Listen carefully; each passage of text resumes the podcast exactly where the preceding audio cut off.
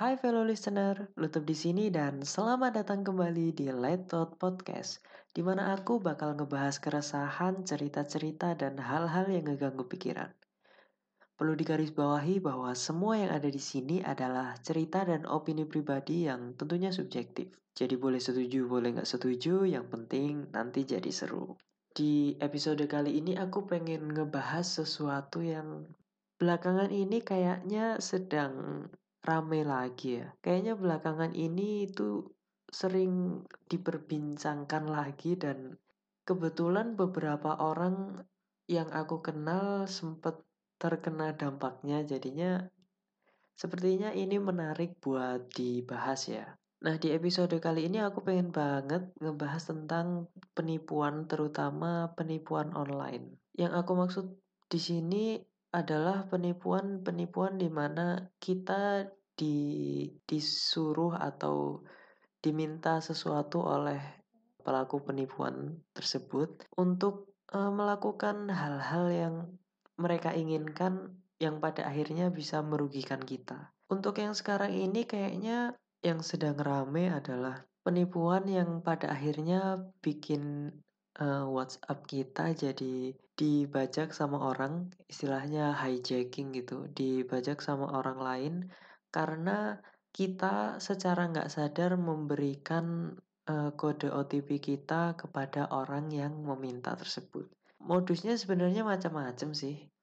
Dari yang uh, paling sederhana itu pemberian hadiah, terus kemudian berpura-pura jadi orang-orang yang berada di tempat-tempat penting gitu kayak misal kita punya akun uh, akun di sebuah online shop gitu atau mungkin akun Instagram dan lain sebagainya yang kemudian mereka berpura-pura untuk menjadi orang yang berada di balik online shop tersebut.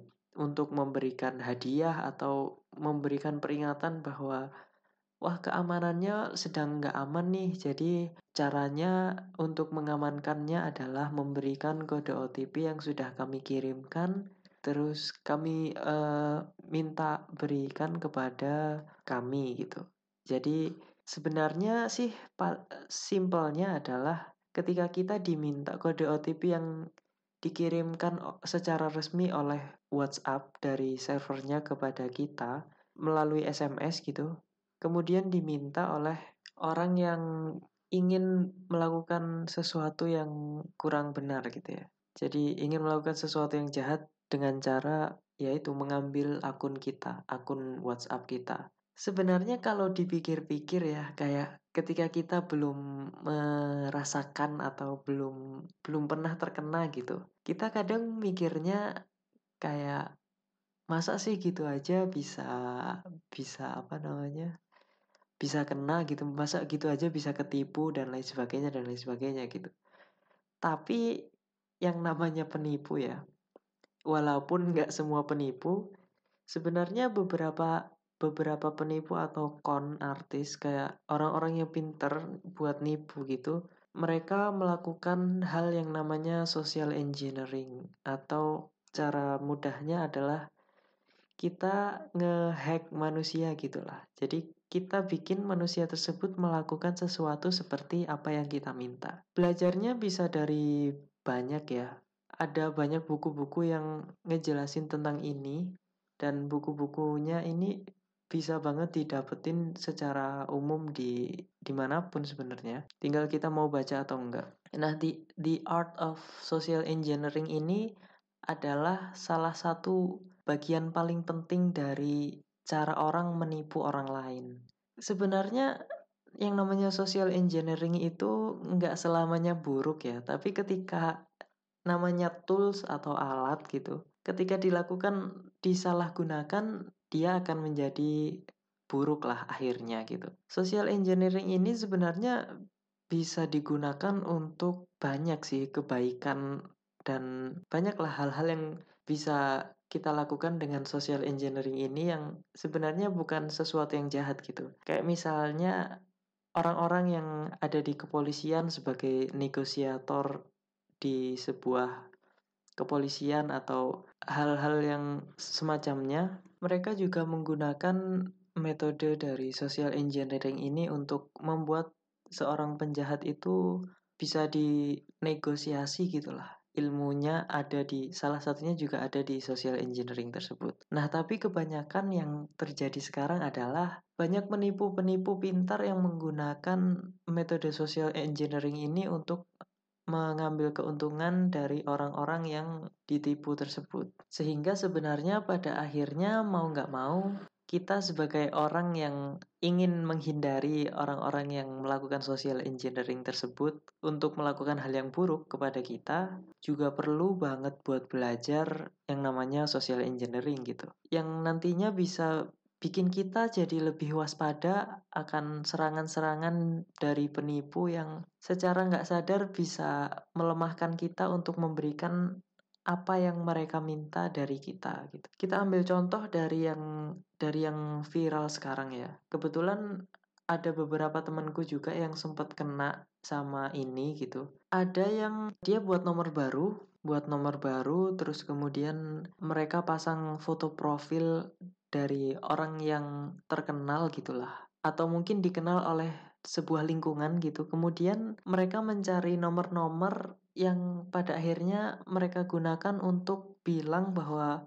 nomor yang ini adalah nomor baru dari seseorang yang mereka kenal gitu. Kemudian mereka meminta sesuatu, meminta pa paling sering sebenarnya adalah meminta uang dari untuk ditransferkan ke rekening mereka gitu. Dan mungkin secara kasat mata gitu ya, terlihat sederhana dan nggak berbahaya sama sekali gitulah.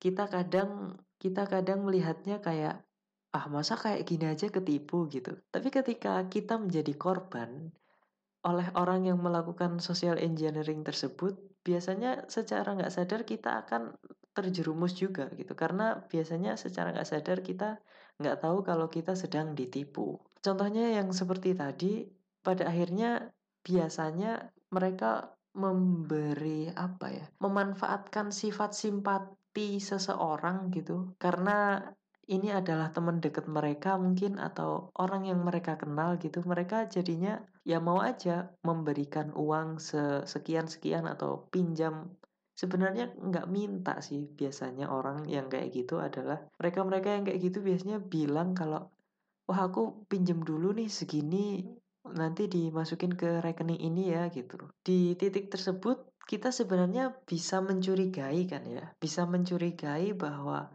masa ini kamu beneran gitu. Karena karena kalau misalnya dia beneran pasti dia akan memberikan rekening dari bank atas nama orang yang sama atau orang yang mereka kenal. Sedangkan penipu biasanya tidak mempunyai rekening bank dengan nama atas nama dari orang yang mereka kenal. Jadi pada akhirnya mereka menggunakan taktik seperti ini. Mereka memberikan rekening palsu atas nama orang yang mereka kenal tersebut. Ketika dicoba, namanya biasanya nggak akan keluar karena yang namanya rekening palsu ya pasti kan nggak akan keluar orang itu ngasal gitu kan. Kemudian karena nggak bisa, uh, si penipu ini pasti akan berdalih bahwa, wah berarti uh, rekeningnya ini sedang trouble nih. Kalau gitu pakai rekening yang lain lah aja atas nama orang yang lain gitu.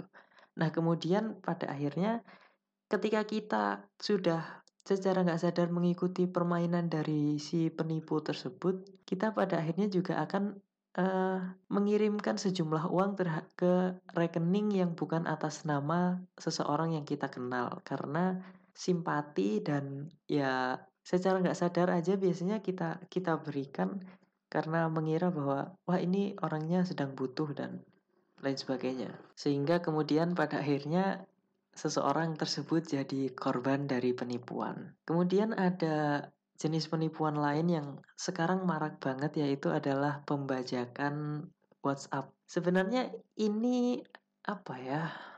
Semacam modernisasi dari modus penipuan yang lama seperti modus penipuan SMS dulu yang papa minta pulsa dan lain sebagainya terus kemudian uh, ada yang mengaku menjadi polisi yang bilang kalau anaknya ditangkap karena penipuan atau di, ditangkap karena terjerat narkoba, ketangkep narkoba dan lain sebagainya.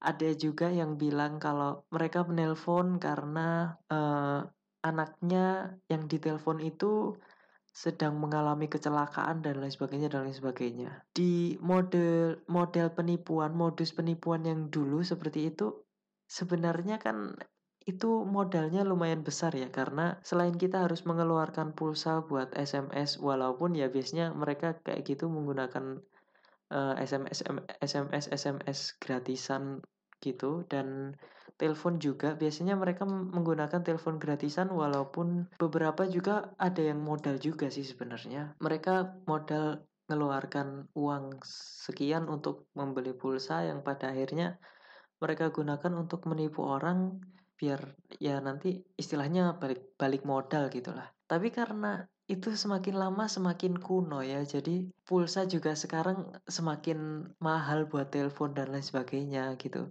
Jadi kayak mungkin penipu penipu penipu udah mulai merasa nggak profitable gitulah. Pada akhirnya mereka menggunakan WhatsApp untuk melancarkan modus penipuannya. Nah di penipuan yang baru ini mereka mendapatkan keuntungan yang lebih karena ya mereka cuma modal internet aja kan WA gitu. WA mudah banget kan kita bikin cuma bikin akun WA aja terus SMS atau e, mengirim pesan maksudnya mengirim pesan kepada orang di nomor yang mereka temukan gitu terus mengaku sebagai apa misalnya. Yang kemarin e, sebenarnya yang sempat temanku alami itu si pelaku dia mengaku sebagai petugas salah satu e, gerai minimarket gitu dia bilang kalau misalnya ini nih mohon maaf kami salah mengirimkan uh, token games ke nomor yang salah gitu. Kemudian kami meminta nomor OTP-nya buat uh, memverifikasi agar nanti ini bisa dikembalikan, uangnya bisa dikembalikan dan diproses sebagaimana mestinya gitu. Nah, ketika dalam posisi ter, ter seperti itu, secara nggak langsung biasanya orang yang panik gitu ya, biasa kan orang kayak gitu kan panik dan yang nggak ngerti dan lain sebagainya gitu kan. Ya mereka secara nggak sadar langsung memberikan kode OTP yang keluar di SMS mereka. Yang pada yang ber yang berakhir pada terbajaknya WA dari korban gitu. Nah setelah setelah selesai dibajak karena sekarang pun ya sekarang pun yang namanya pembajakan WA itu lebih berbahaya karena beberapa online shop itu bisa menggunakan WA sebagai tempat untuk mengirim kode OTP karena ya secara online shopnya juga kan lebih murah karena mereka nggak harus nggak harus punya deal tertentu dengan masing-masing provider gitu kan. Jadi tinggal ya minta aja ke WA untuk membuat web API dan lain sebagainya untuk mengirimkan kode OTP yang di generate oleh server gitu misal. Bahayanya adalah ketika seseorang sudah memegang sudah memegang nomor WA tersebut gitu, orang bisa dengan mudah mengambil alih akun akun online shop tersebut karena ketika misal kita mungkin lupa apa memasukkan email yang sama kemudian karena kita yang namanya penipu ya nggak tahu password dan lain sebagainya, mereka menggunakan uh, fitur lupa passwordnya itu kemudian nanti pada akhirnya akan dikirimkan kode OTP kan. Nah, yang jadi masalah adalah kode OTP-nya bisa dikirimkan ke WA yang sudah dibajak tadi. Jadi pada akhirnya ketika WA yang dibajak, nomor WA yang dibajak, bahayanya itu nggak cuman ada di nomor WA-nya yang disalahgunakan untuk mengirim pesan ke orang-orang lain seperti yang ada di modus pertama tadi, yang lebih berbahaya adalah mereka menggunakannya untuk membajak tempat-tempat lain atau situs-situs lain yang bisa digunakan yang menggunakan WA sebagai tempat mengirim kode OTP-nya gitu. Jadinya kan ruginya mungkin bisa dua kali karena dengan akun tersebut mereka bisa menggunakan bisa menggunakan akunnya yang yang mereka yang dimiliki oleh korban gitu kemudian disalahgunakan untuk di, diambil keuntungannya. Beberapa online shop yang bisa menggunakan semacam kredit gitu untuk uh, pembelian produk dan produk-produk yang bentuknya adalah fisik dan produk-produk yang bentuknya digital gitu bisa digun bisa dibeli dengan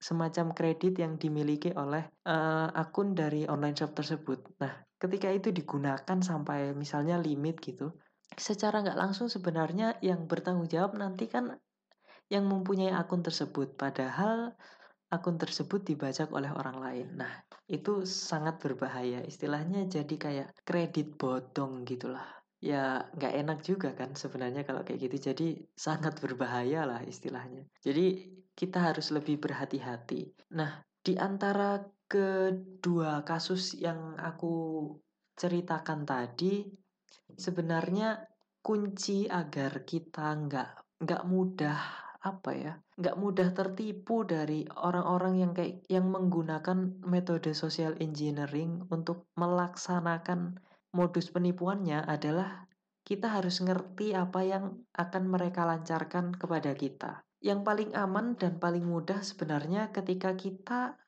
ketika kita dikirim dikirim kode oleh sistem yang resmi dari sebuah situs gitu ya misalnya.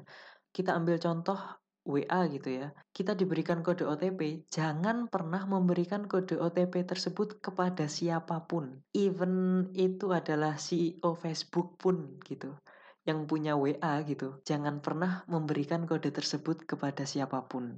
Dan karena mau apa pun, nggak mungkin kode tersebut boleh digunakan untuk orang lain selain kita. Karena kode tersebut adalah kode kunci di mana itu adalah pertahanan terakhir kita gitu dari adanya pembajakan atau penipuan. Itu sebenarnya yang paling mudah. Jangan pernah share OTP ke siapa pun lah. Siapa pun orangnya, siapa pun apa pun gitu. Kecuali yang ada hubungannya sama uh, sistem gitu. Misal WA yang minta adalah aplikasi resminya WA gitu. Itu nggak masalah karena ya emang tujuannya diberi adalah untuk di situ gitu kan. Nah itu bukan sesuatu yang menjadi masalah. Tetapi yang perlu kita ketahui selanjutnya adalah kadang secara nggak sadar kita bisa memberikan kode tersebut secara sukarela.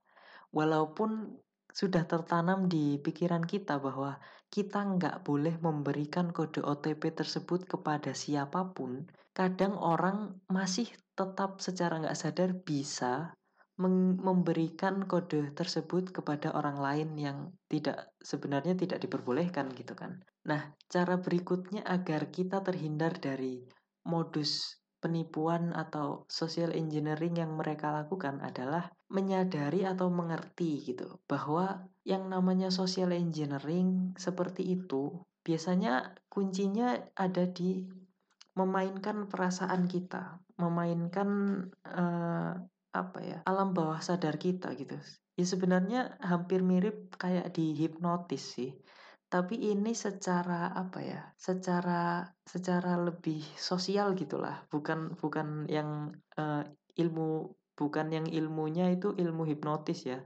Hipnosis kayak uh, hipnoterapi gitu bukan. Jadi manusia itu bisa dimainkan emosinya dan ketika emosi tersebut dimainkan oleh orang lain, kita cenderung lemah dalam berpikir. Jadi secara nggak sadar kita bisa melakukan apa pun yang orang lain minta kepada kita. Itu biasanya ada di beberapa uh, emosi yaitu adalah uh, senang, uh, ketakutan, fear, terus panik biasanya kepanikan, terus kemudian uh, yang lain adalah kesedihan. Sebenarnya kesedihan ini bisa dimasukkan ke dalam kepanikan sih. Jadi intinya adalah tiga. Senang atau joy, terus uh, kepanikan, dan uh, fear, ketakutan. Ketika orang lain mempermainkan uh, tiga emosi tersebut kepada kita, biasanya secara nggak langsung uh, yang mengendalikan tubuh kita adalah emosi gitu. Dan otak kita biasanya secara nggak sadar itu berkurang fungsinya untuk berpikir secara jernih. Biasanya seperti itu. Kita ambil contoh uh, senang ya. Dari modus-modus penipuan yang sering kita lihat, biasanya kan yang sering keluar adalah kita menang undian atau kita menang hadiah giveaway sesuatu kita menang uh, mungkin mungkin di Indonesia jarang ya mungkin menang lotre gitu atau misal ya pokoknya hal-hal yang memicu kesenangan gitu lah yang memicu yang membuat kita menjadi senang gitu kaget dan senang gitu kan secara nggak langsung ketika emosi kita mengendalikan tubuh kita otak kita nggak bisa berpikir secara jernih dan akhirnya mereka memanfaatkan fase tersebut untuk memerintahkan sesuatu yang pada akhirnya nanti akan kita lakukan secara nggak sadar. Sebenarnya bisa dibilang sadar sih, cuma kita nggak sedang dalam kendali akal kita sepenuhnya gitu. Kemudian yang kedua adalah kepanikan. Ini yang paling sering, paling sering sekali digunakan sebagai modus penipuan. Dengan menciptakan kepanikan kayak misal yang paling sering kan kita dengar adalah uh, anak ibu kecelakaan di mana misal atau anak ibu kami tangkap karena tertangkap narkoba misal ketika uh, korbannya itu secara nggak langsung tepat sasaran dengan yang disasar oleh penipunya gitu secara emosional mereka akan langsung panikan karena mereka mikir kan wah anakku gimana? Anakku ketangkep atau anakku kecelakaan dan lain sebagainya. Mereka panik dan bingung. Pada fase kebingungan tersebut emosi itu mengambil alih dari tubuh kita dan otak kita akal kita itu secara nggak sadar uh, berkurang performanya gitulah jadi ya kita nggak bisa nggak bisa mikir secara jernih akhirnya kita melakukan apa yang ingin mereka mem memberitahu kepada kita apa yang harus kita lakukan dan kita mematuhinya pada akhirnya. Seperti itu. Terus kemudian kita bisa menggunakan kesedihan untuk itu tadi mengambil alih tubuh kita secara emosi yang akhirnya kita nggak bisa berpikir jernih. Tapi kayaknya untuk yang kesedihan ini hampir jarang sih. Hampir jarang dilakukan ya. Karena nah sedih ini bisa dimasukkan ke dalam panik tadi ya. Jadi sedih ini biasanya dikombinasikan dengan kepanikan. Jadi uh, efeknya bisa lebih lah. Salah satunya kayak tadi ke kecelakaan itu kan orang biasanya sedih dan panik ya. Karena ketika ada orang yang mereka kenal terkena musibah gitu biasanya mereka sedih dan panik. Nah, itu bisa digunakan untuk mengambil alih uh, kendali diri kita. Yang kemudian adalah uh, fear atau ketakutan. Biasanya dengan cara ancaman-ancaman yang sebenarnya omong kosong aja gitu. Tapi ya namanya manusia ya. Ketika ketika kita diberikan ancaman-ancaman yang mungkin ketika korbannya itu tep sedang tepat sasaran, itu mereka ya akan panik juga sama kayak tadi panik, tapi karena takut akan sesuatu. Jadi mereka menciptakan ketakutan. Nah, ketika ketakutan tersebut tercipta, biasanya mereka bisa mengendalikan kita untuk melakukan apa pun yang mereka suruh. Ini sering terjadi di kayak misalnya uh, modelnya adalah penculikan. Penculikan itu biasanya seperti itu kan ketika ada seseorang yang diculik, orang yang kita kenal diculik, mereka meminta imbalan sebagaimana sebagaimana dan mereka seberapa gitu ya. Mereka minta sesuatu untuk disiapkan dan lain sebagainya dan lain sebagainya gitu. Dan kita secara secara nggak langsung kan panik kemudian ya udah berusaha menyiapkan apa pun karena kita takut terjadi sesuatu kan. Jadi kita emosi kita mengendalikan diri kita dan akal kita nggak bisa berpikir dengan jernih. Mau bagaimanapun orang bilang bahwa aku sudah berpikir dengan jernih ketika dalam fase tersebut, pasti orang itu nggak bisa berpikir dengan jernih dan mereka akan memutuskan sesuatu dengan uh, gegabah biasanya. Nah, dari keempat tadi, itu secara nggak sadar sebenarnya tubuh kita diri kita itu sedang disandra sama orang orang-orang yang melakukan modus penipuan tadi dengan cara dengan keempat cara tadi ya. Nah, ketika kita sudah tahu bahwa kita kemungkinan bisa disandra, diri kita bisa disandra dengan cara empat cara tadi, kita bisa mempersiapkan diri sebenarnya. Yang pertama adalah cara yang paling pertama adalah dengan cara kita tidak terburu-buru mencerna sesuatu, apalagi yang formatnya adalah teks atau voice dan datang dari internet dan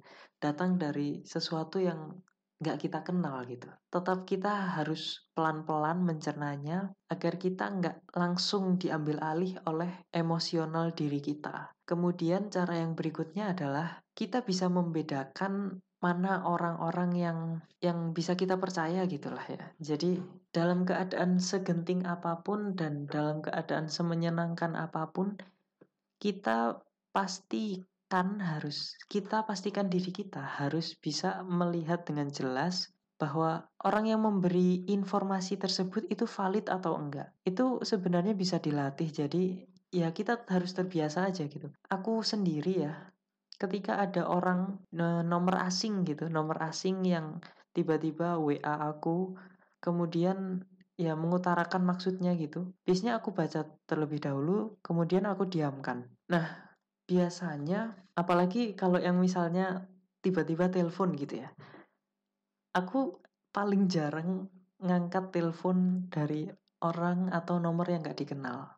Siapa pun itu gitu. Kalau misalnya ketika kita mengangkat telepon secara nggak sadar terus kemudian kita diberikan sugesti oleh mereka tergantung dari skrip yang mereka siapkan secara nggak sadar kita akan langsung apa ya langsung kaget gitu wah ini terjadi nah pada saat tersebut emosional kita udah diambil uh, udah udah mengambil alih tubuh kita jadinya itu juga berbahaya jadi aku biasanya nggak nggak langsung nggak langsung angkat teleponnya gitu. Kemudian sebenarnya yang paling mudah adalah ya kita berhati-hati terhadap apa yang kita dapatkan dari uh, telepon genggam kita atau smartphone kita gitu. Itu sih sebenarnya yang paling cara yang paling mudah untuk me menghindarinya.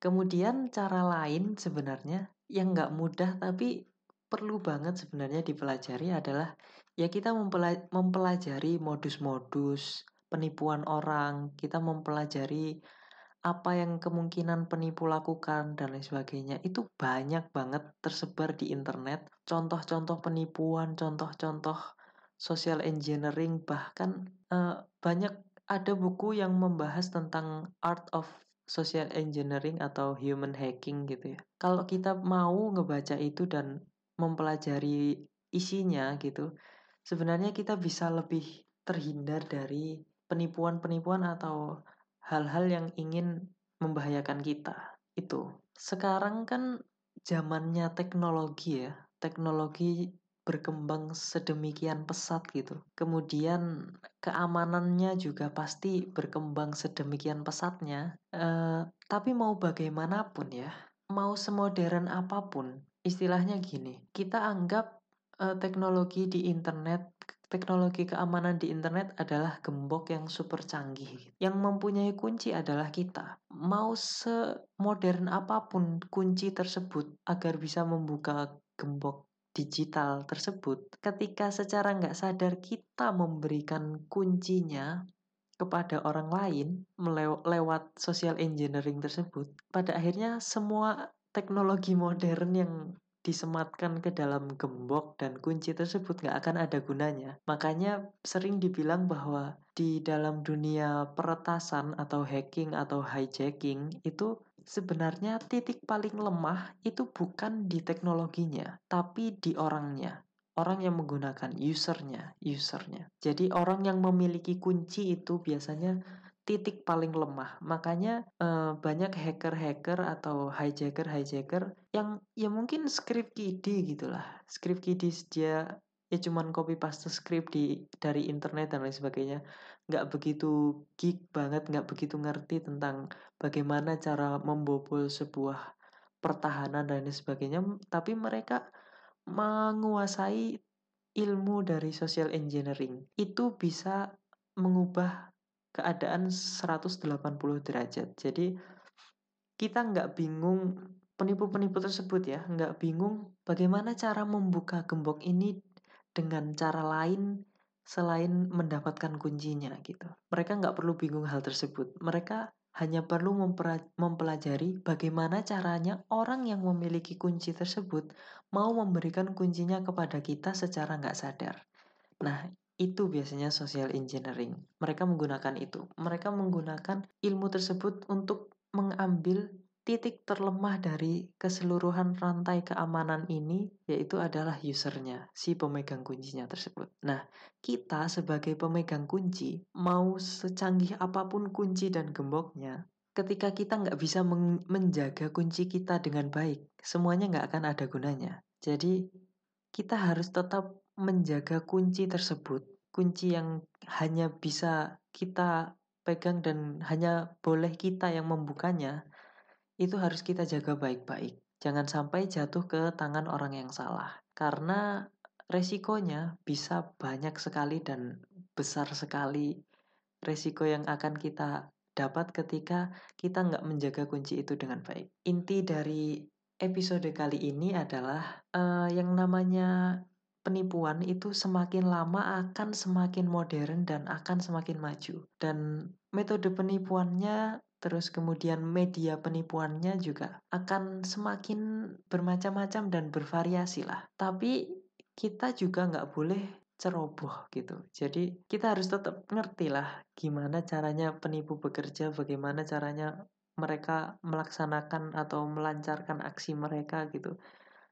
Agar kita sebagai pemegang kunci itu nggak kebobolan dan, nggak dengan sengaja dan dengan sadar diri memberikan kunci yang kita punya kepada orang lain yang tidak bertanggung jawab gitu, tidak bertanggung jawab untuk me melakukan apa pun yang mereka suka. Sebenarnya in, aku juga pengen berpesan gitu untuk yang namanya internet itu sesuatu yang uh, sebenarnya yang namanya alat ya itu bisa digunakan dengan baik dan digunakan dengan tidak baik gitu. Walaupun kita bisa menggunakannya dengan baik, kita harus tetap berhati-hati untuk berada di dunia yang bernama internet karena yang namanya dunia itu sebenarnya kan liar ya.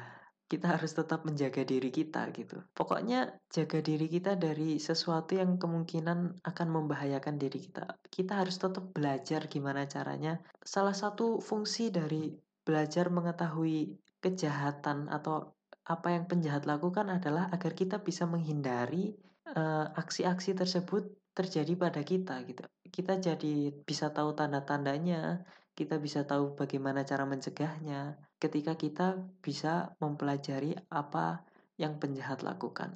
Jadi tetap harus hati-hati, jangan lupa untuk tetap menjaga kunci yang kita pegang dan yang paling penting sebenarnya jangan berikan kode OTP kepada siapa pun, even uh, eh, CEO dari aplikasi yang mereka miliki pun itu kita sebenarnya nggak boleh memberikan. Karena yang namanya OTP itu sebenarnya kan uh, sistem generated ya. Jadi yang mengenerate adalah sistem dan yang menerima lagi harusnya adalah sistem bukan orang lain bukan orang atau pihak ketiga lain. Jangan berikan kepada siapa pun.